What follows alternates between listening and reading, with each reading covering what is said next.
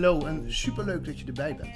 Ehm, ik ga het ehm, deze keer hebben over, over gedrag. En ik heb het al een aantal keer met je, met je gehad over waar komt gedrag vandaan, waar komen emoties vandaan, waar komt persoonlijkheid vandaan. Maar ik wil je nu eens gaan focussen op gedrag. En waar ik me vooral op wil focussen is op de beheersing van impulsiviteit. En beheersing van impulsiviteit kunnen we, als we kijken naar persoonlijkheid, eigenlijk halen op het moment dat we twee assen van onze Big Five scan gaan combineren.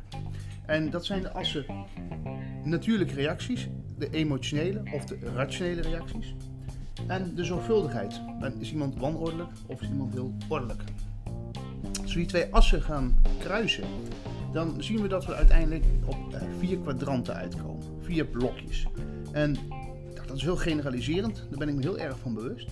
Maar die generalisering die maakt het wel in ieder geval uh, makkelijker om uh, ja, jou, jouw gedrag te kunnen duiden. Het uh, gedrag kunnen we duiden in die vier kwadranten. En de kwadranten zijn onderbeheerst, overbeheerst, ontspannen en gericht. En ik ga ze één voor één met je doornemen. Wanneer iemand um, heel erg emotioneel is in zijn reacties en heel erg um, wanordelijk is als het gaat over zorgvuldigheid, dan noemen we zo iemand onderbeheerst. En iemand die onderbeheerst is, die vertoont vaak het gedrag van impulsiviteit. De, de drang om op een gegeven moment uh, ja, toch de dingen te gaan, te gaan doen. Hè? De, de, uh, de verleiding niet kunnen weerstaan. Dat is voor mensen die uh, ja, in dat kwadrant vallen ook gelijk het grootste, de grootste valkuil.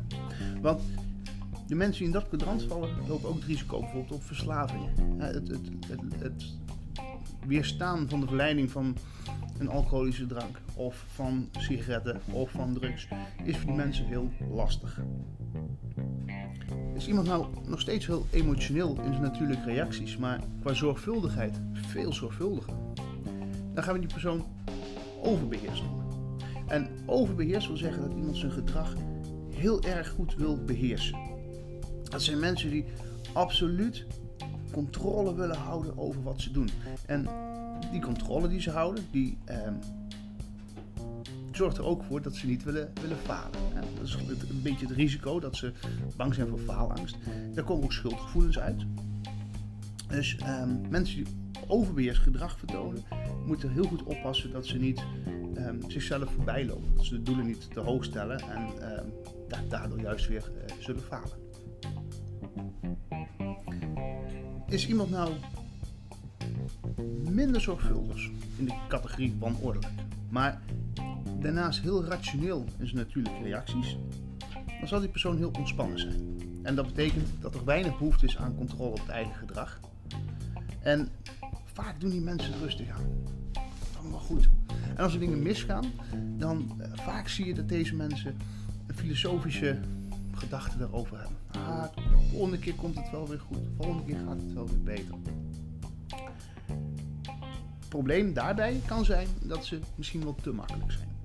En daardoor motivatie om vooruit te willen, motivatie om, uh, om, om door te gaan, dat ze die nou juist missen.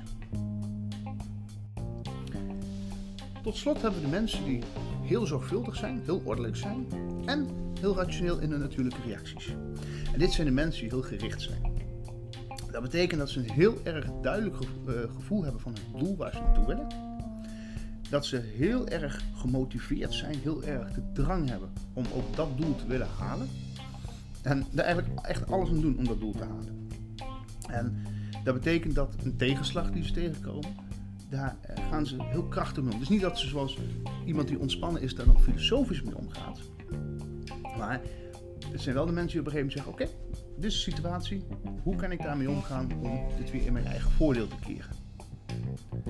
Heel erg gericht op het einde.